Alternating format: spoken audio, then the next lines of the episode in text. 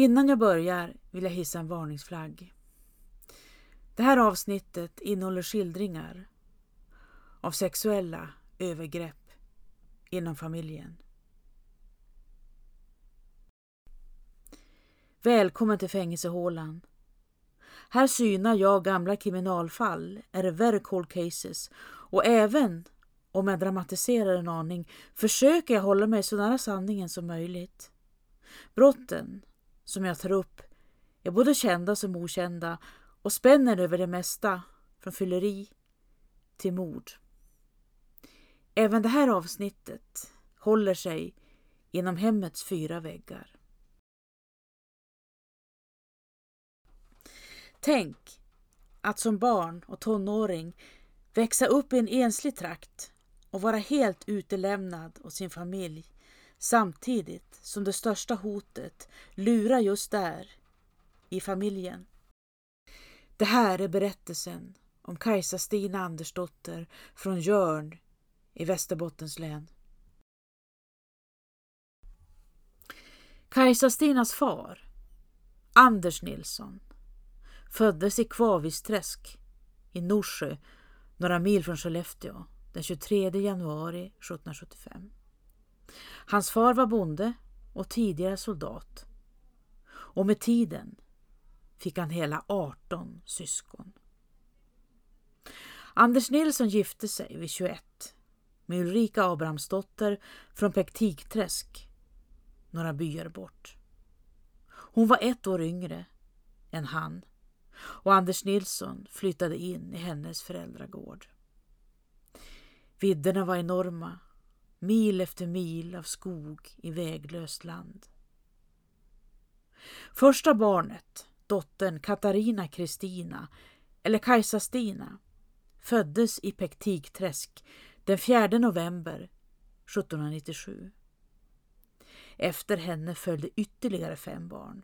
Nils 1798, Anders 1799, Johan 1800, Erik 1802 Ulrika 1806. Mil efter mil av skog och skogshus.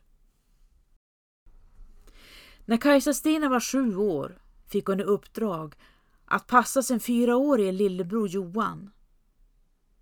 Det var i början av september 1804. Kajsa-Stina var inte tillräckligt uppmärksam, skällde de vuxna på henne efteråt, för plötsligt var bror Johan utom synhåll och inte nog med det.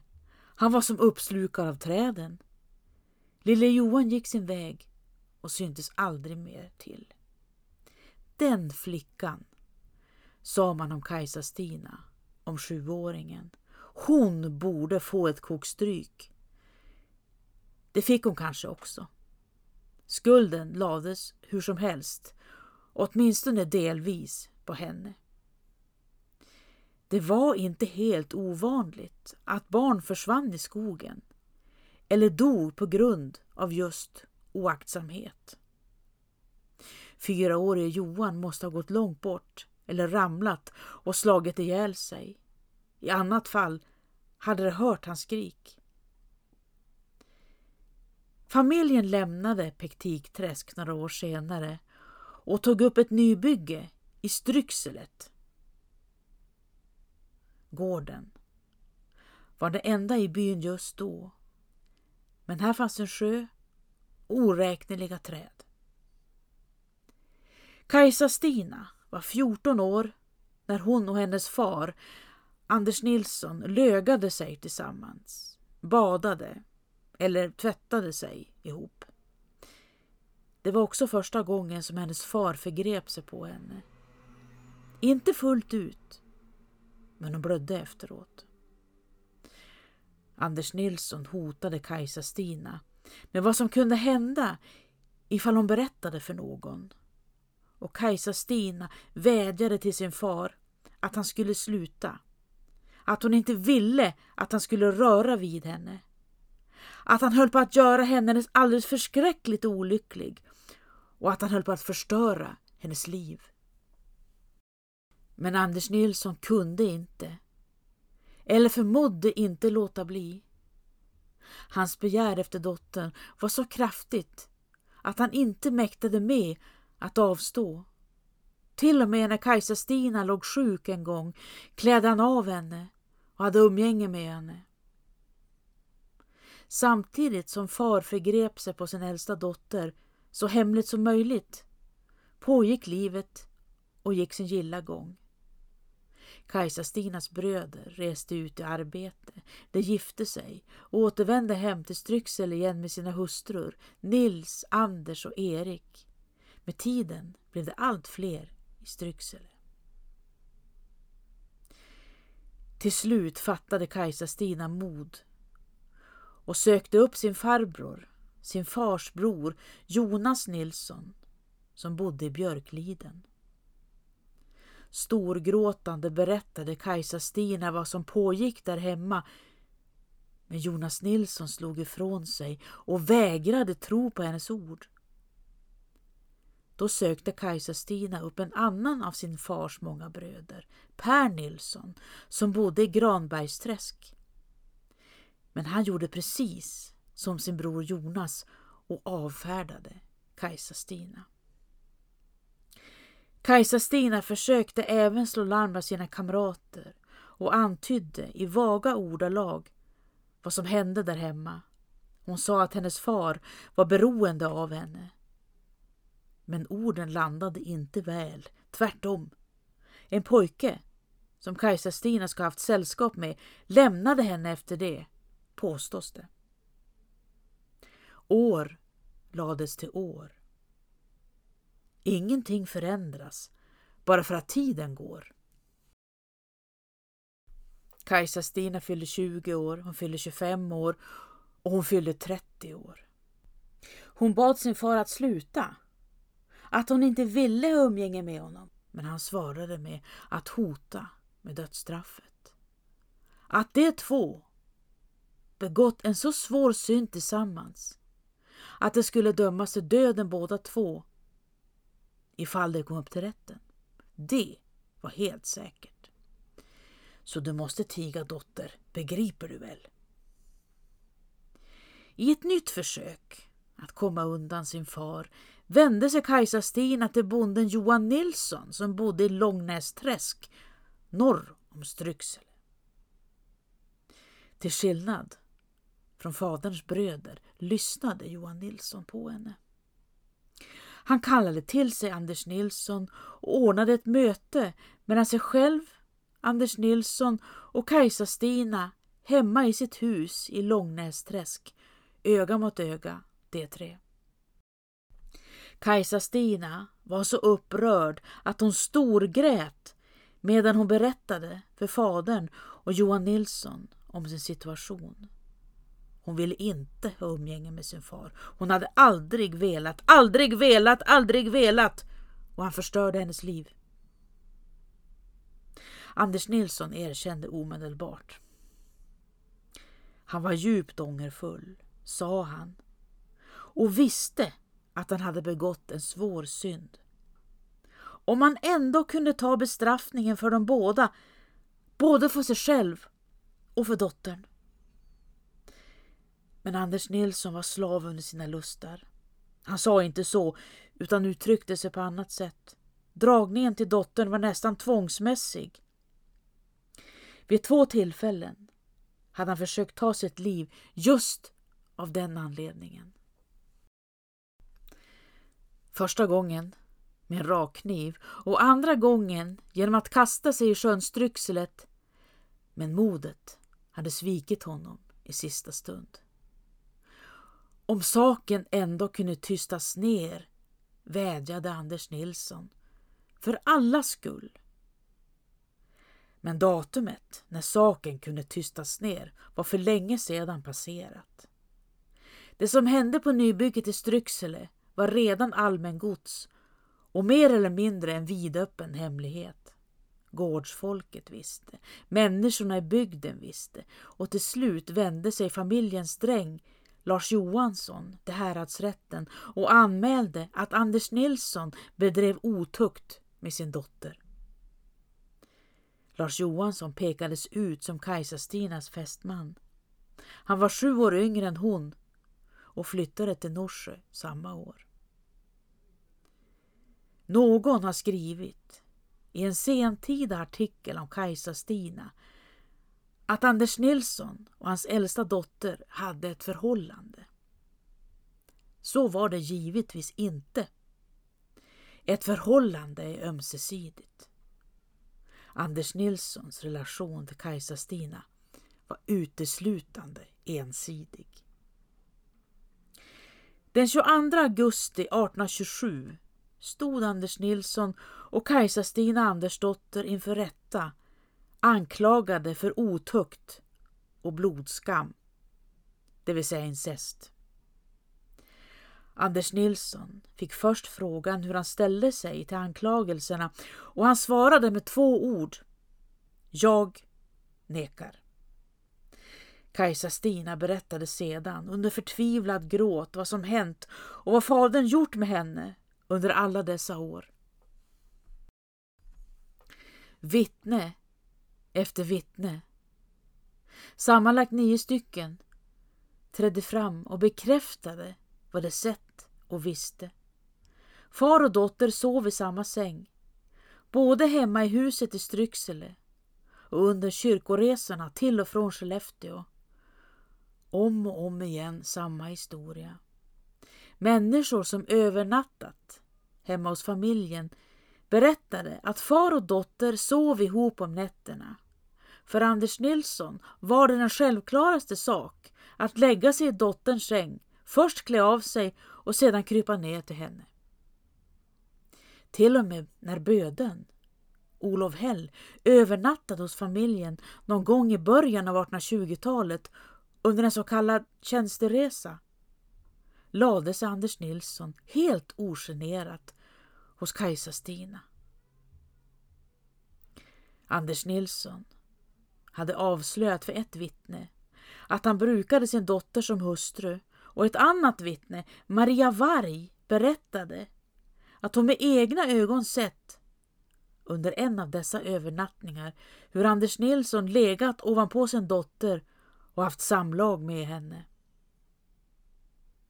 Kajsa-Stina var mycket upprörd, nästan i upplösning under hela rättegången. Hon grät hjärtskärande och underströk ännu en gång att fadern brukat henne utan hennes medgivande, att hon aldrig, aldrig, aldrig velat att han skulle ta henne i det minsta lilla. Kajsa-Stina var så upprörd att hon svimmade. Rättens ordförande vände sig till Anders Nilssons hustru, Kajsa-Stinas mor, Ulrika Abrahamsdotter, 51 år, som var fullkomligt förkrossad. Hon visste inte riktigt när hon såg det, sa hon. Men allt eftersom började hon tycka att Anders Nilssons faderliga kärlek till dottern tog sig väl märkliga uttryck. Ulrika Abrahamsdotter blev mer och mer misstänksam och en dag kom hon på dem in flagrante.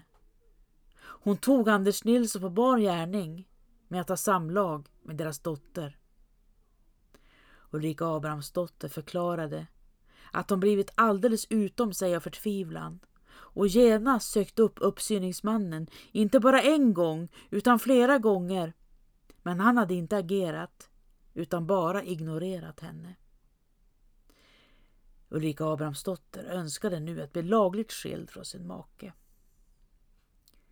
Den 10 september dömde häradsrätten både Anders Nilsson och Kajsa-Stina Andersdotter, far och dotter, till döden för blodskam.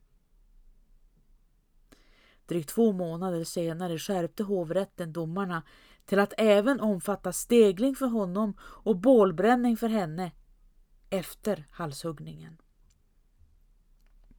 Kajsa-Stina Andersdotter och Anders Nilsson satt nu båda i länshäktet i Umeå. Fängelset hade sex rum. I fångrummen satt fångarna huller om buller. Man kan bara hoppas, så här i efterhand, att far och dotter placerades i olika rum och inte satt tillsammans. Men det är inte självklart. Anders Nilsson förklarade sig vara nöjd med domen. Han önskade ingen mildring från dödsstraffet, skrev han i fängelset den 23 november. Och fortsatte brevet.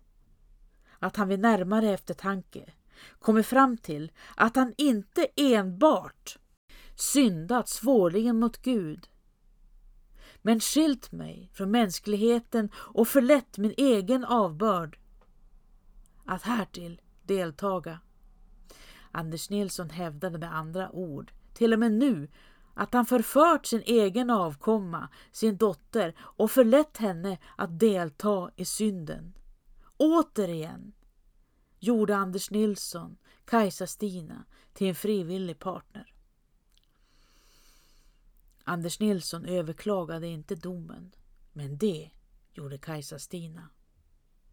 Dagen efter faderns brev hjälpte magister Carl Wilhelm Sundbaum Kajsa-Stina att författa en nådeansökan till kungen Karl den fjortonde Johan.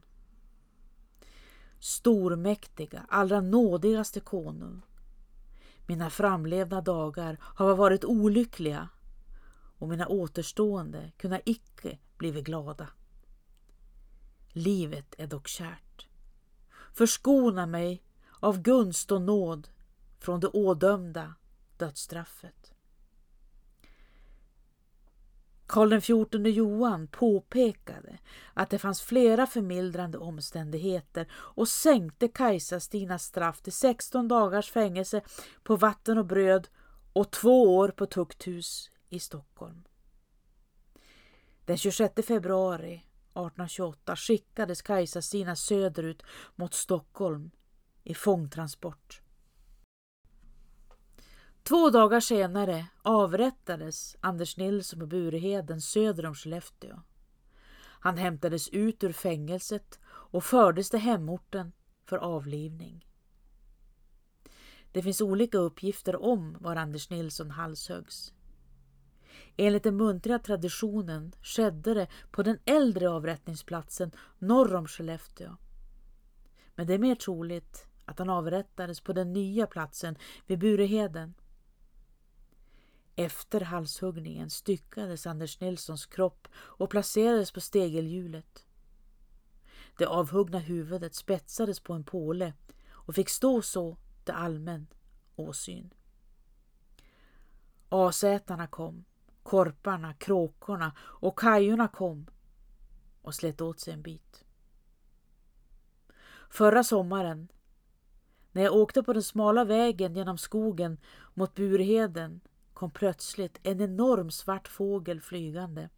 Den landade på vägen, liksom studsade mot marken innan den flög vidare igen. Det måste ha varit en korp. Böden som avrättade Anders Nilsson kan ha varit samma man som övernattade i Stryksele många år tidigare. Olof Hell. Det var jämnåriga Olof Hell och Anders Nilsson. Under en avrättning, eller en så kallad tjänstutövning, bar Olof Hell en svart kåpa utanpå sina vanliga kläder och i öronen dinglade små bödelsbilor av guld. Olof Hell bodde i Varuträsk och förvarade bödelsyxan hemma hos sig. Till vardags använde han den som ogräshacka. Anders Nilsson var död, men dottern Kajsa-Stina var framme vid kvinnofängelset på Norrmalm den 10 mars.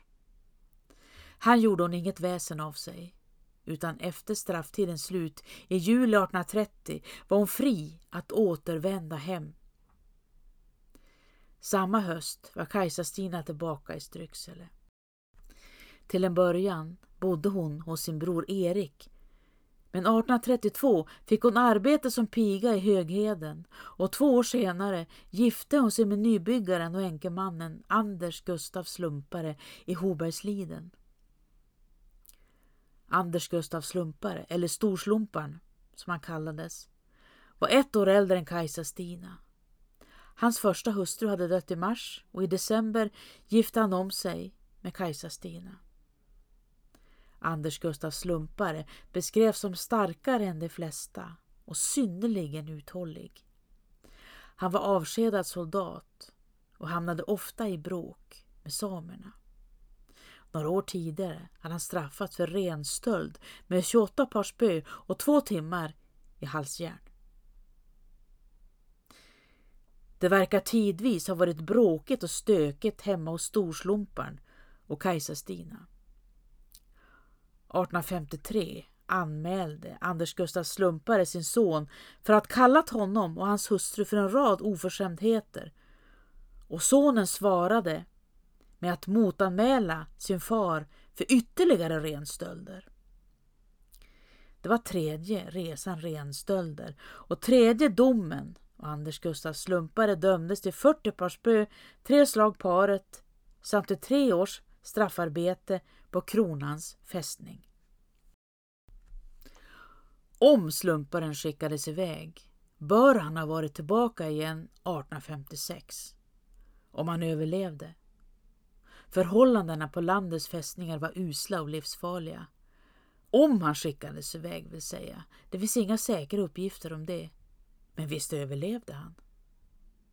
Sara Lidman har skrivit om Anders Gustaf Slumpare i sin roman Din tjänare hör.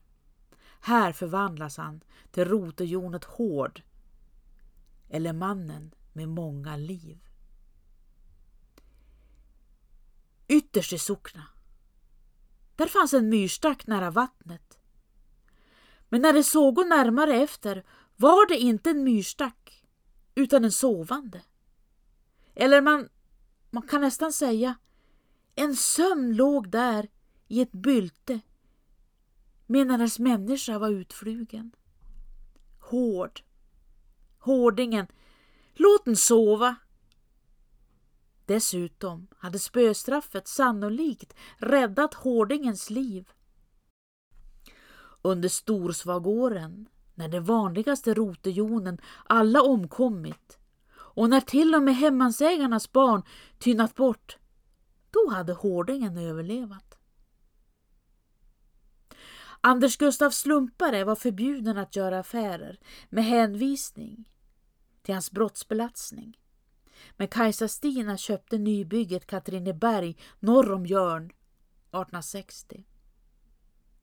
Nio år senare brann boningshuset ner till grunden och Kajsa Stina och slumparen tvingades bo i en kornbastu ute på gården. Ett år senare var Anders Gustaf Slumpare död, 74 år gammal, i sviterna efter ett slagsmål, ryktades det. Kajsa Stina sålde nybygget mot ett livslångt förmånskontrakt. Hon hade inga anhöriga som självklart skulle ta hand om henne och köparen åtog sig att försörja henne livet ut. Men köparen trivdes inte utan sålde nybygget vidare i sin tur och köpte ett nytt i Aspliden, en bra bit därifrån. Och Kajsa-Stina hade inget annat val än att följa med i flytten. Hon avled den 23 oktober 1880, 83 år gammal. Ända fram till slutet förföljdes hon av anteckningen i folkbokföringen dömd för otukt med sin fader. Anders Nilsson rörde sin dotter första gången när hon var 14 år. Men om man läser mer noggrant står det egentligen att han fullbordade umgänget med henne för första gången när hon var 14 år. Alltså började det långt tidigare. Far och dotter badade nakna tillsammans när Kajsa-Stina var just 14 år. Hon trodde säkert att det var helt naturligt och sånt som alla gjorde. Kajsa-Stina borde ha gett sig av. Ulrika Abrahamsdotter, modern, borde ha lämnat sin man, tycker vi. Men så enkelt var det inte. Var skulle det ta vägen? Och hur skulle försörja sig? Med en så stor säck av skam hängande över axeln. Då fanns föga förståelse. Anders Nilsson var ovanligt envis som absolut skulle ligga med sin dotter. I 15 år höll det på.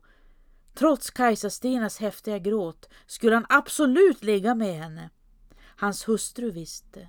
Hans söner visste. Hans yngre dotter visste säkert också. Ja, hela bygden visste. Det finns inga uppgifter om att Anders Nilsson även skulle ha förgripit sig på sin yngsta dotter Ulrika. Men Anders Nilsson var en enda stor skamfläck för dem alla.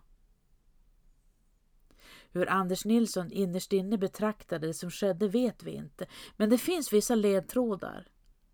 Dels, som redan framgått, gjorde han gång på gång Kajsa-Stina till en frivillig partner. Men han hade också över skulden på henne, som under mötet hemma hos Johan Nilsson i Långnästräsk. Anders Nilsson var så besatt av sin dotter att han till och med försökt begå självmord två gånger. Det var hon som hade lockat honom i fördärvet.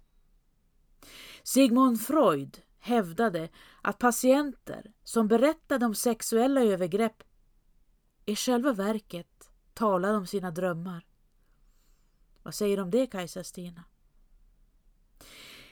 Jag läste i samma nutida artikel om Kajsa-Stina i Stryxelet som hävdade i en något dramatiserad form att Kajsa-Stina led svårt inför sin faders avrättning och när hon såg hans bleka och plågade ansikte började hon fundera på om det var hennes fel trots allt. Kajsa-Stina såg inte sin far innan avrättningen. Han skickades från Umeå och fängelse till Skellefteå redan den 11 februari och på avrättningsdagen den 28 februari var Kajsa-Stina på väg söderut mot Stockholm.